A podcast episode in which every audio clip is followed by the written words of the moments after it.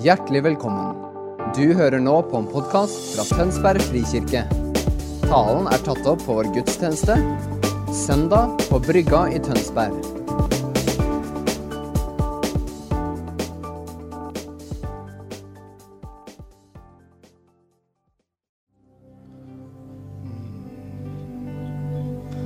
Jesus, vi takker deg for det du gjør akkurat nå. Takk at du bygger din kirke. Du gir oss din ånd. Kjærlighetsånd. Barnekårets ånd.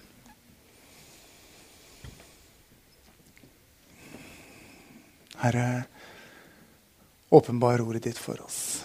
La det lande i hjertene våre, Herre, og skape det du vil. Amen. Å, kjære vene, dere. Nå er hjertet fylt. Så fylt at jeg nesten ikke vet Det er ikke så ofte jeg blir eh, målløs. Jeg er ikke målløs nå heller, altså. Men, men uh, Anette, når hun åpna, når hun åpna helga for oss, så kvota hun den gamle 80-tallslåta We are family. Mm. Det var overskriften på nyhetsbrevet til Tønsberg frikirke som kom ut i går. Så du det? Nei, du har ikke sett det ennå? Jeg skrev det før du sa det. så tenkte jeg, hmm. Og det er overskriften over denne talen også. Denne formiddagen. Hvor jeg ønsker at vi skal gripe tak i noe ut ifra det vi allerede er. Ikke ut ifra det vi skal bli. For det er noe med når Gud sender oss våre søsken som strekker opp et lerret og åpner et vindu for oss, så er det mye vi kan innta, mye vi kan eie, mye vi kan lengte etter, strekke oss etter. Men midt i det så er det utrolig viktig for meg også at vi får øye på hva er det vi eier, og hva er vi midt i. Tønsberg frikirke har en visjon som det er lett å gi seg til. Å være en menighet overøst av kjærlighet til Gud og mennesker. En visshet om og en tillit til at når Han lar sin ånd, kjærlighetsånd, regne over oss, så vender Han hjertene våre mot seg. Og når det har skjedd, så vendes også hjertene mot hverandre. Og frukten av det er utrolig mye vakkert. Vi har hatt det hjertet her på huset. Og når jeg sier her på huset, så snakker vi ikke vi og dere, de og dem, dere. Vi snakker et stort vi. For overskriften over denne helgen er 'familie av familier'. Vi er søsken. Og det vi eier i troen, det eier vi uansett hvilken familie vi kommer fra. Men nå snakker jeg om vi, den veien vi har gått her på huset. Hvor eh, Malakia 4,6 om fedrenes hjerter til barna, barnas hjerter til fedrene, har vært viktig uendelig lenge. Hvor Esekiel 47, som vi hørte fantastisk malt ut i går, har vært et, et, et kompass og en retning siden hvor lenge? 25 år, Jan Helge? 2005. 2005.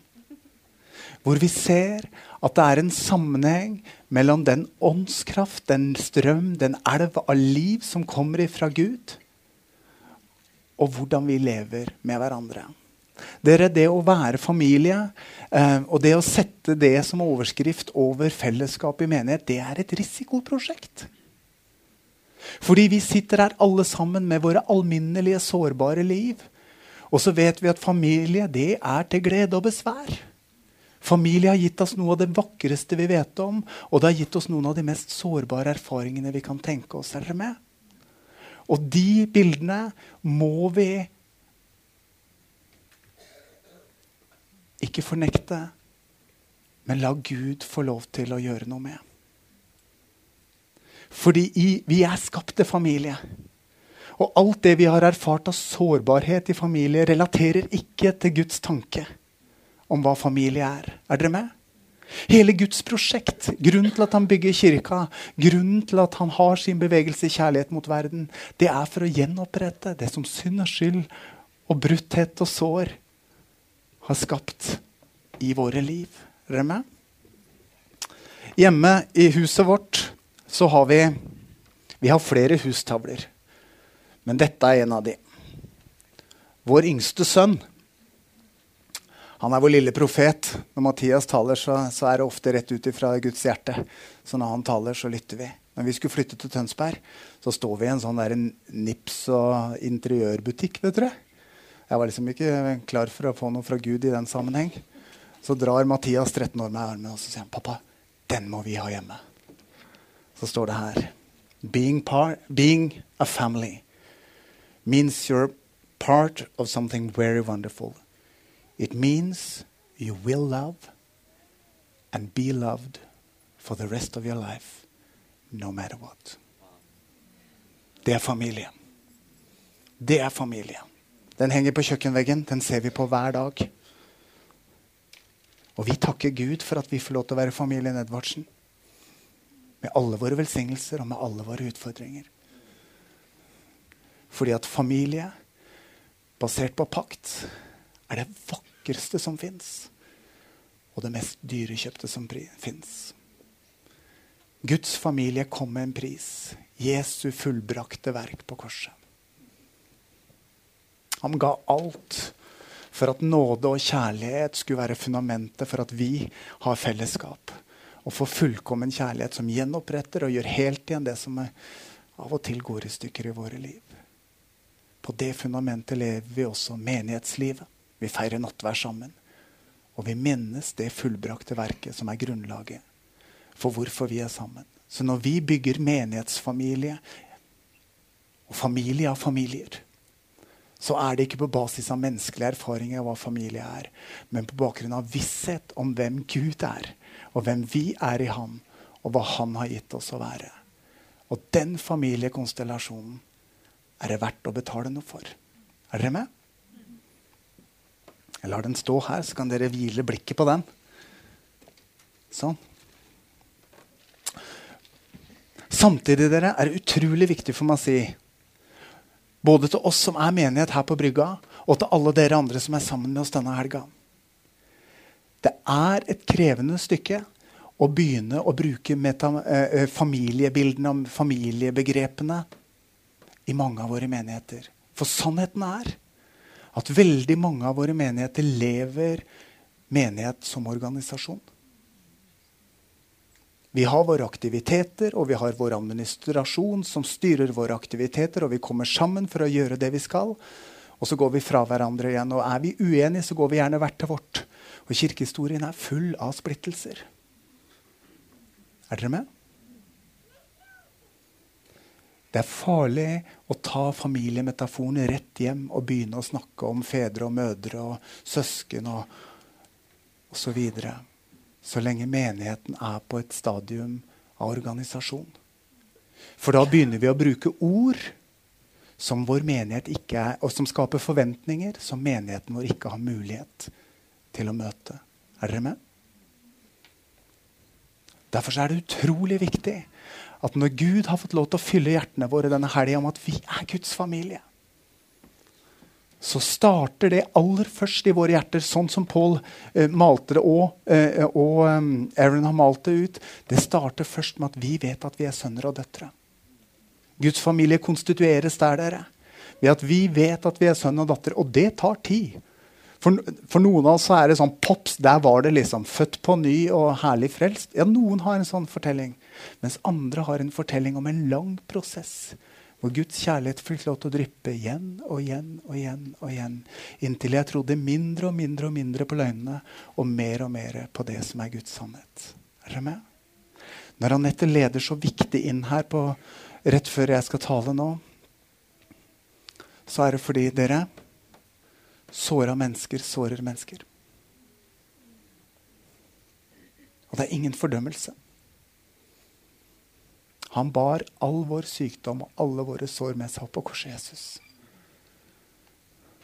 Og vi har en mester og herre som er prøvd i alt, og som er medynk med oss i vår svakhet.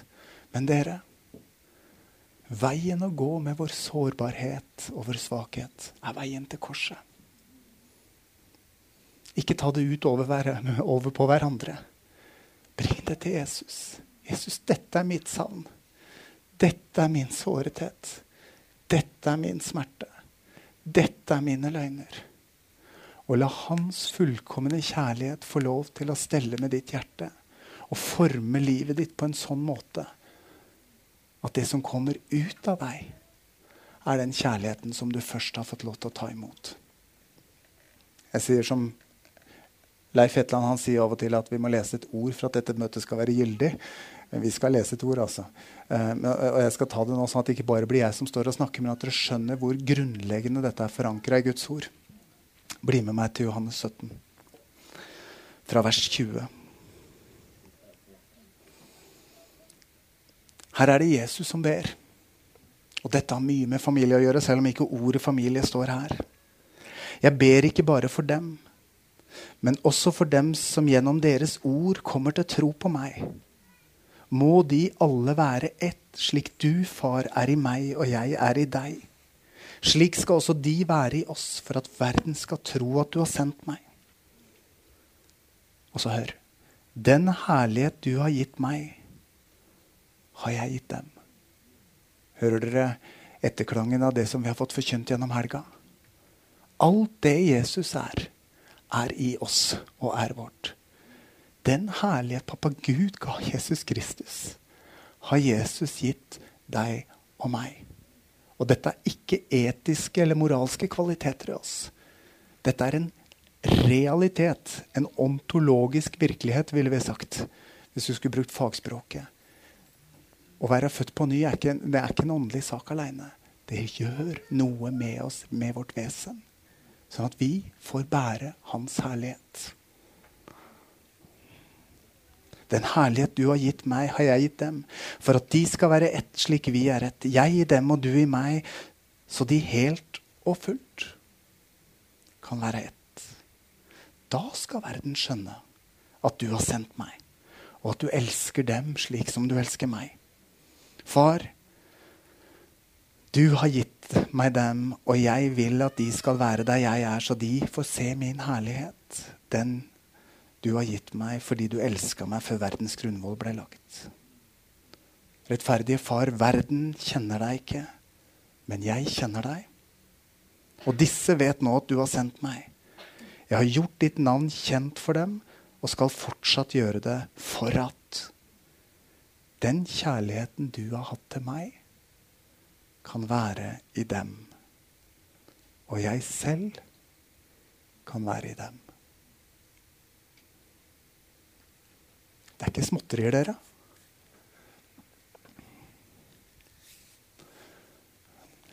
Den fullkomne kjærligheten driver frykten ut.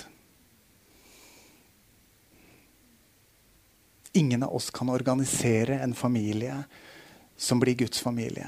Det er bare Gud som ved sin ånd skaper den. Først i den enkelte av våre hjerter, og dernest ved at vi kobles på hverandre med en kjærlighet som er større, vakrere og flottere enn den vi kan utvise oss imellom. Det er Guds verk.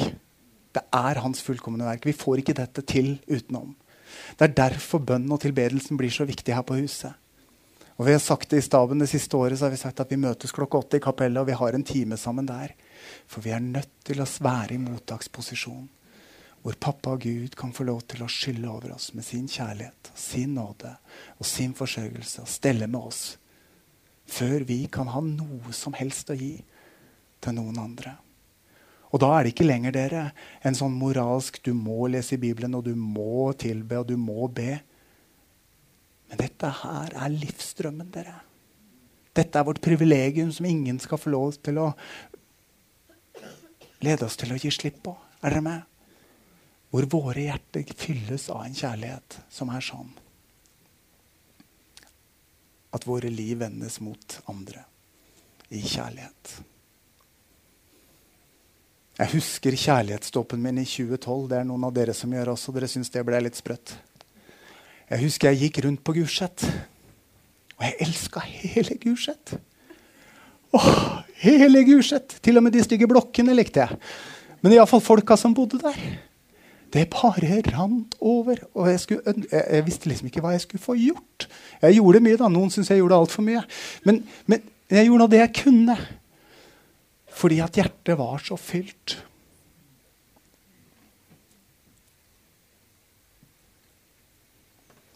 Når vi bygger Guds familie her på brygga, så handler det først og fremst om at Gud får lov til å komme med sin ånd av kjærlighet og fylle våre hjerter. Inntil det renner over. Det er mange år vi har prøvd å bygge familiekultur og satt oss for å bygge familiekultur i vårt fellesskap. Men lenge har vi sagt vi snakker ikke mye om det. Og det gjør vi fortsatt ikke. For dere, dette må leves. For da vil verden se. Dette må erfares, for da vil verden se. Og det er min største glede å se menneske etter menneske i vårt hus, både i menighet og i bibelskole, komme i hakk. Jeg ser et stramt ansikt som tør opp i et stort smil. Jeg ser slukne øynene som plutselig stråler. Jeg ser mennesker, ja, Dere har jo sett det her òg. Unge mennesker som bare klikker i hakk med tjenester og utrustning og gaver. Hvorfor? For de får lov til å være i en atmosfære av kjærlighet hvor de blir heia fram til det beste.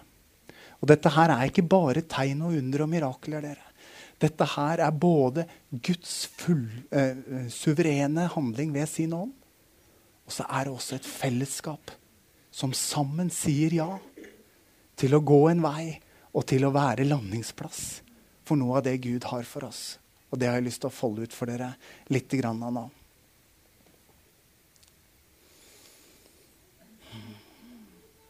Kjærlighet og herlighet har veldig mye med hverandre å gjøre.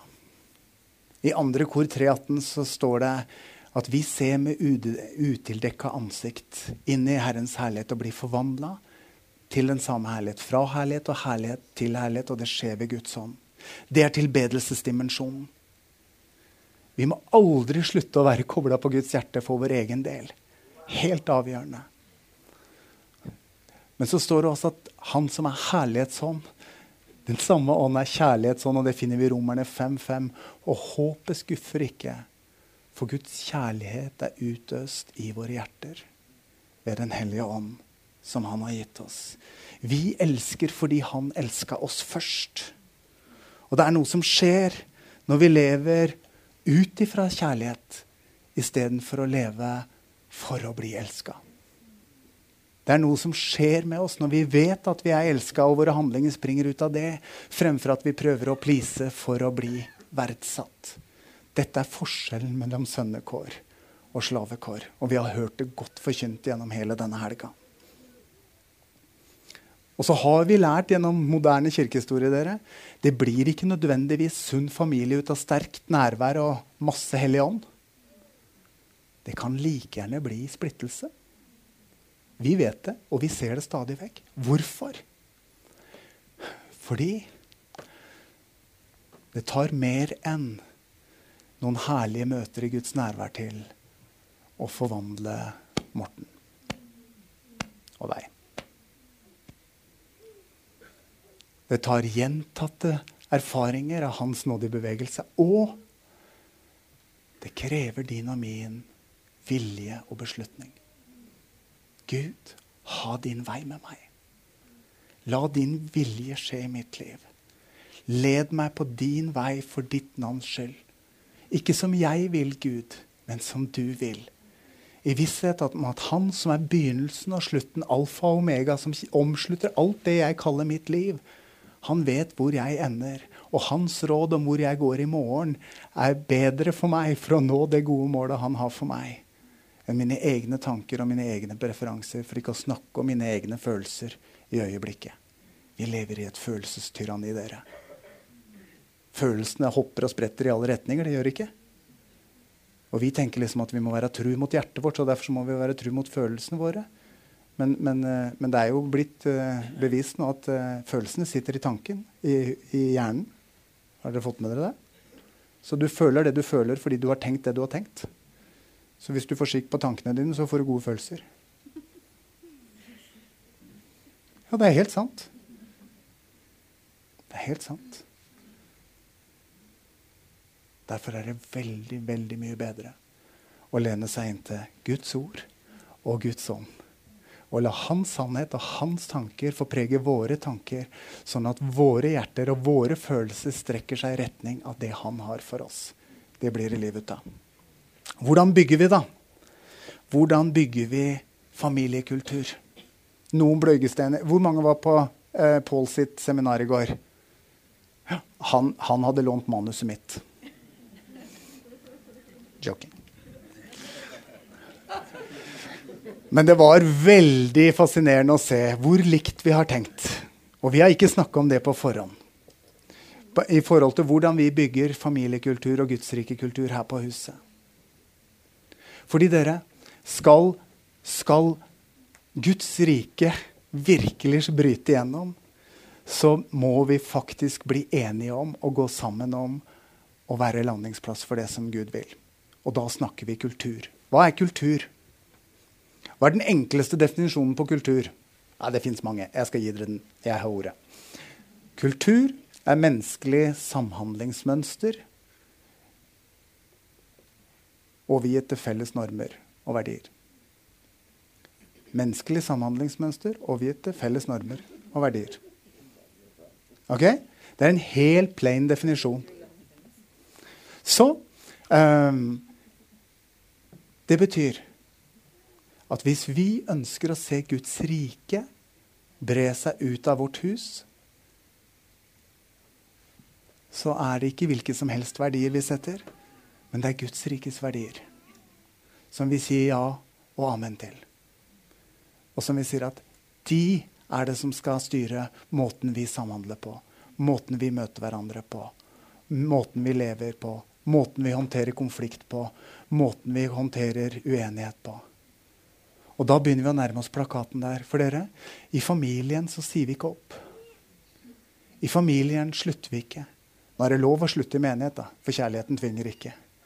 Men utgangspunktet når vi lever familie, er at vi går ikke hvert det vårt.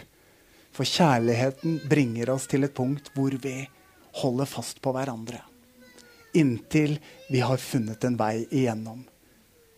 Aaron underviste så veldig godt om hva som er motsatsen til kjærlighet nemlig frykt, som første stadium. Når frykten har fått lov til å begynne å virke, hva kommer da? Jo, da, da, kommer kontroll. Denne situasjonen må jeg kontrollere, for her er det ikke greit for meg å være. Hva kommer så? Tilbaketrekning. Her kan ikke jeg ha kontroll engang, så nå stikker jeg av. Og når jeg har stukket av, så begynner jeg å tenke tanker om de jeg har stukket fra. Da anklager jeg. Det er det motsatte av kjærligheten. Kjærligheten gjør at vi blir når det koster. Det er ikke noe problem å bli når det er deilig. Det får jo helt, også den menneskelige kjærligheten til. Men den fullkomne kjærligheten gir oss evne til å bli når det koster. Inntil mitt hjerte er prega av Guds hjerte, og jeg, mitt hjerte klarer å romme den andres hjerte. Et kjennetegn på en gudsrike kultur og en familiekultur dere, er at vi har like mye omsorg for den andres hjerte som mitt eget når det er vanskelig. Konfrontasjon i kjærlighet er en del av hederskultur. Ja, da går jeg til Gud først. Og dette har vi måttet lære den harde veien, dere alle sammen.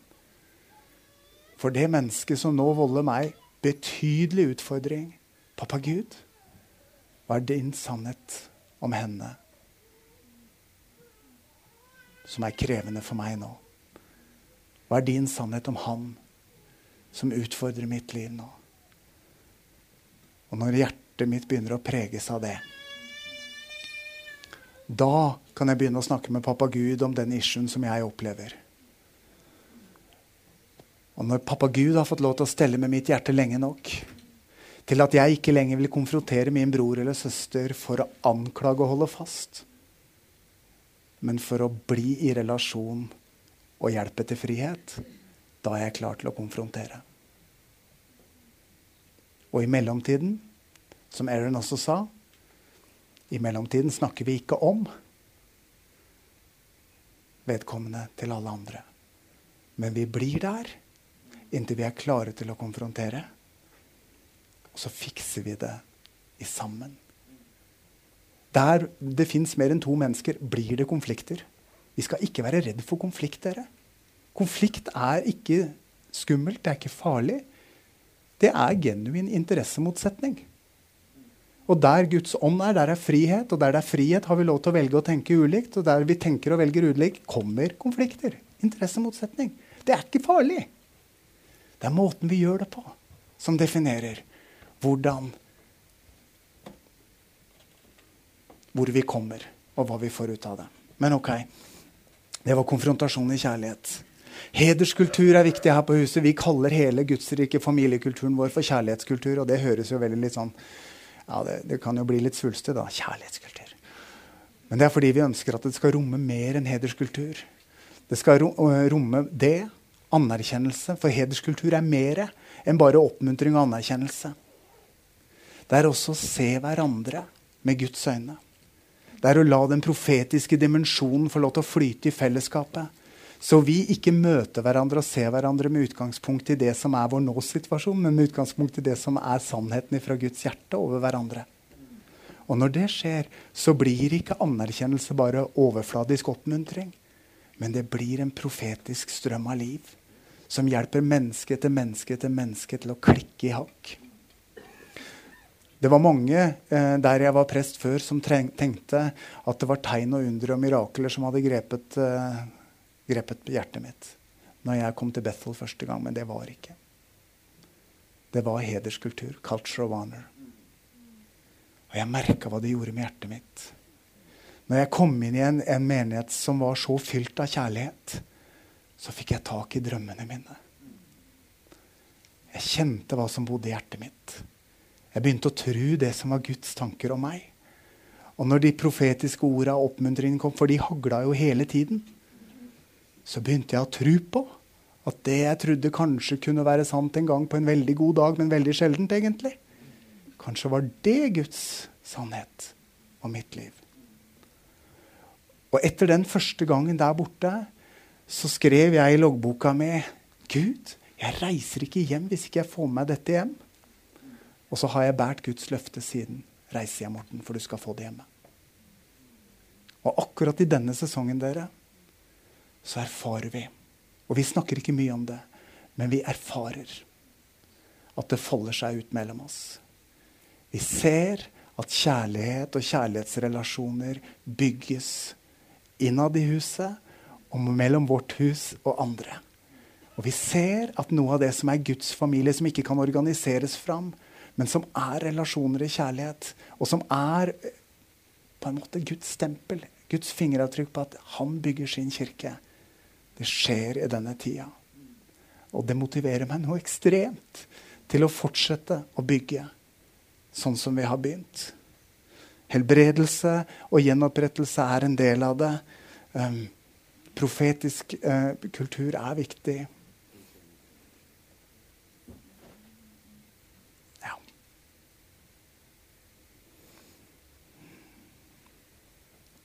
Det er vårt hjerte, dere. At åpen himmel skal være en sånn plass hvor dere som ikke er her til daglig, skal kjenne at dere får lov til å komme inn og senke skuldrene. At dere hører til. At dere er familie. At dere får tak i noe av det som er sant ifra Guds hjerte om dere. Ja.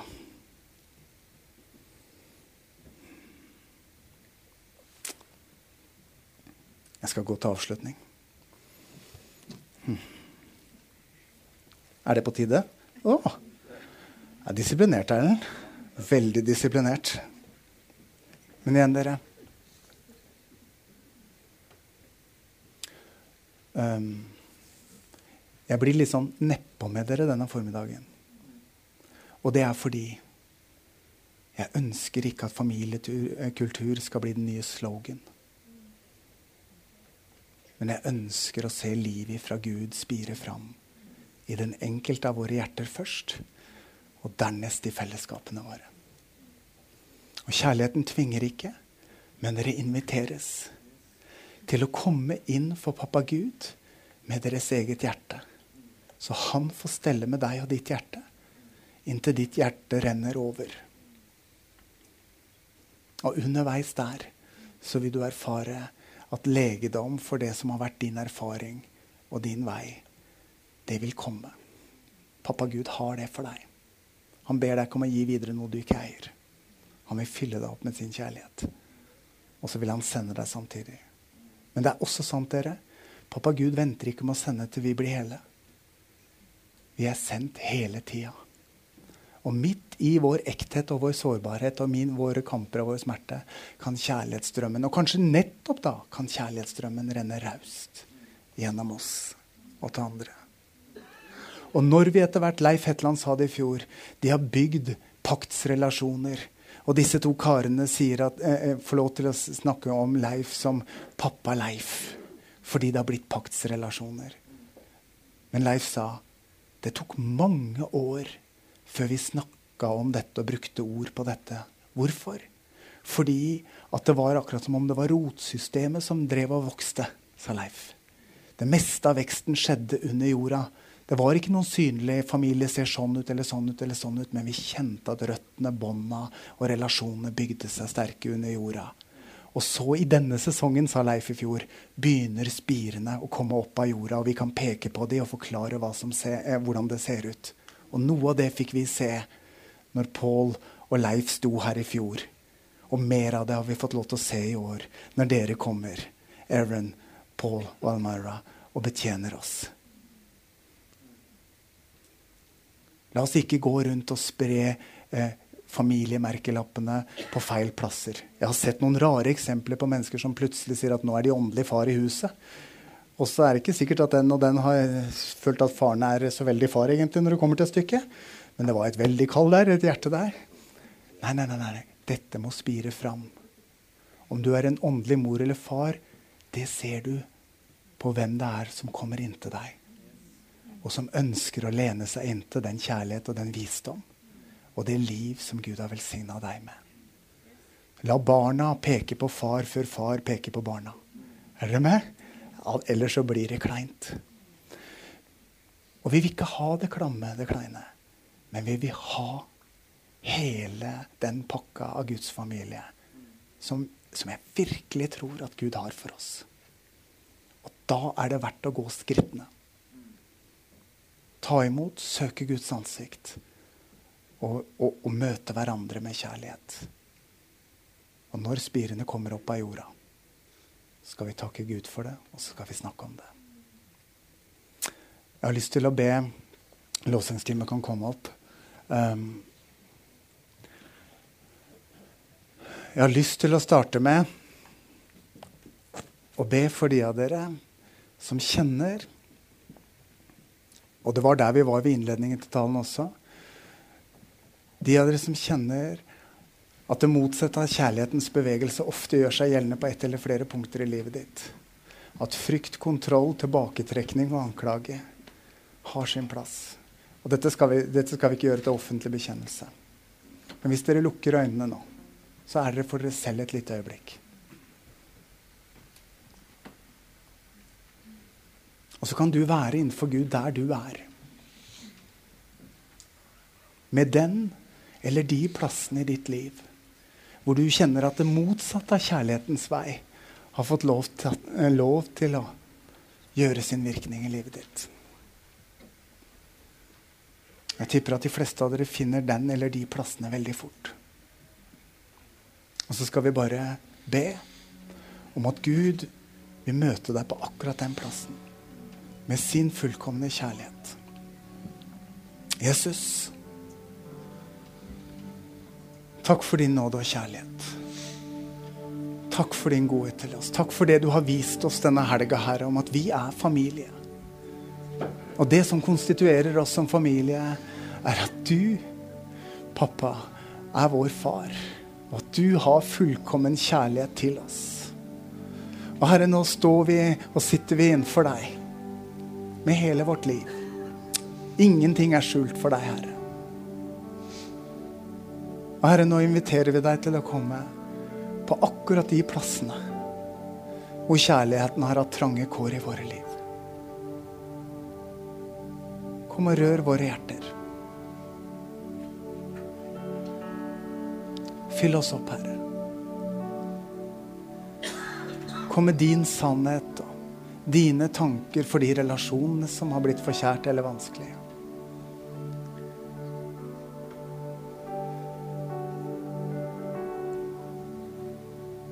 Kom til de som kjenner på frykt for i det hele tatt å bygge nære relasjoner fordi at relasjoner har blitt vonde. Herre, kom med din fullkomne kjærlighet og gi oss tro på at kjærlighet og relasjon kan velsigne oss enda en gang.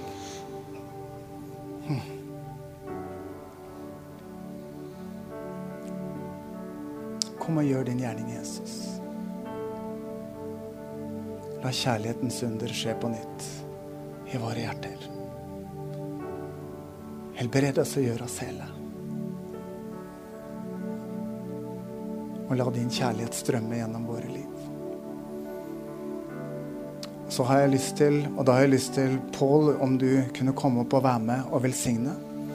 Um, de av dere, enten dere hører til her på brygga eller en annen menighet, men dere kjenner i løpet av den, denne helga, så har Gud fylt dere med en lengsel og en drøm om å se familie, sann gudsrike familie, spire fram i deres setting. Og enten dere ønsker å gi livet deres til å være en landingplass for Guds bevegelse på den måten her i huset, hvis du hører til Tønsberg frikirke, eller i din egen menighet, så er dette først og fremst en mulighet til å si Jesus, bruk meg til å bringe ditt liv og din familie fram der jeg er. Hvis du ønsker å la Gud bruke deg til det, så vil jeg at du skal reise deg. Så vil jeg veldig gjerne, Pål, at du that you pray for us and bless us with a family anointing.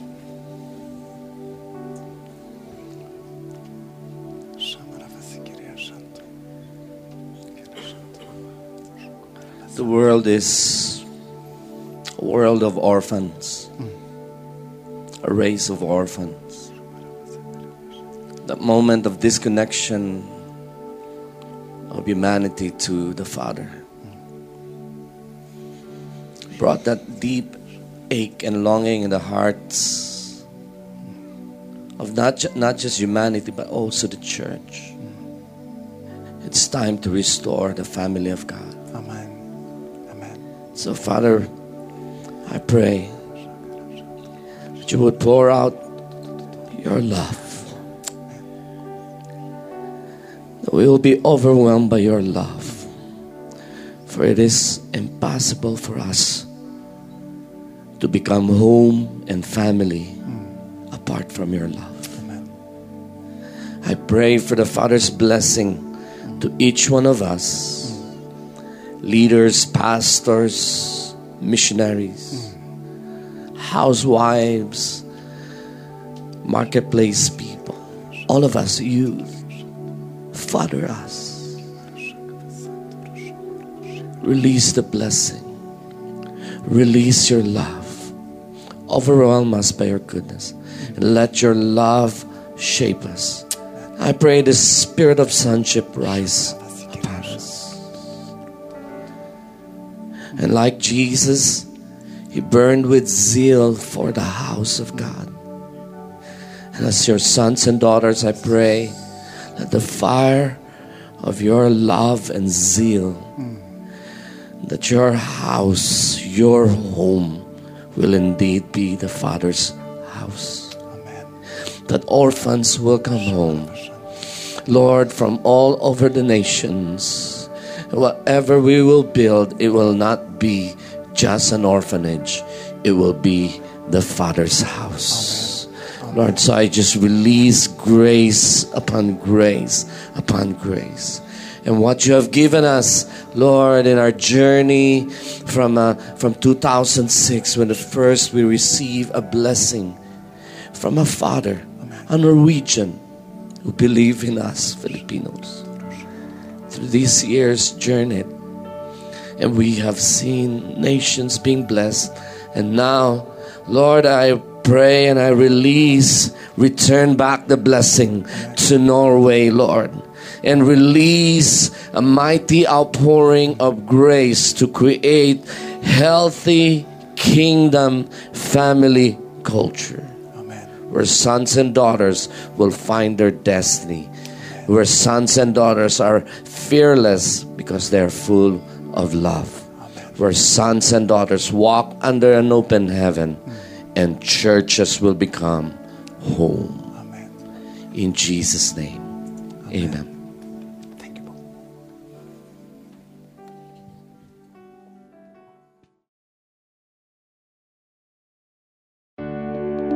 Takk for at du hørte på vår podkast. Har du spørsmål eller ønsker du å vite mer?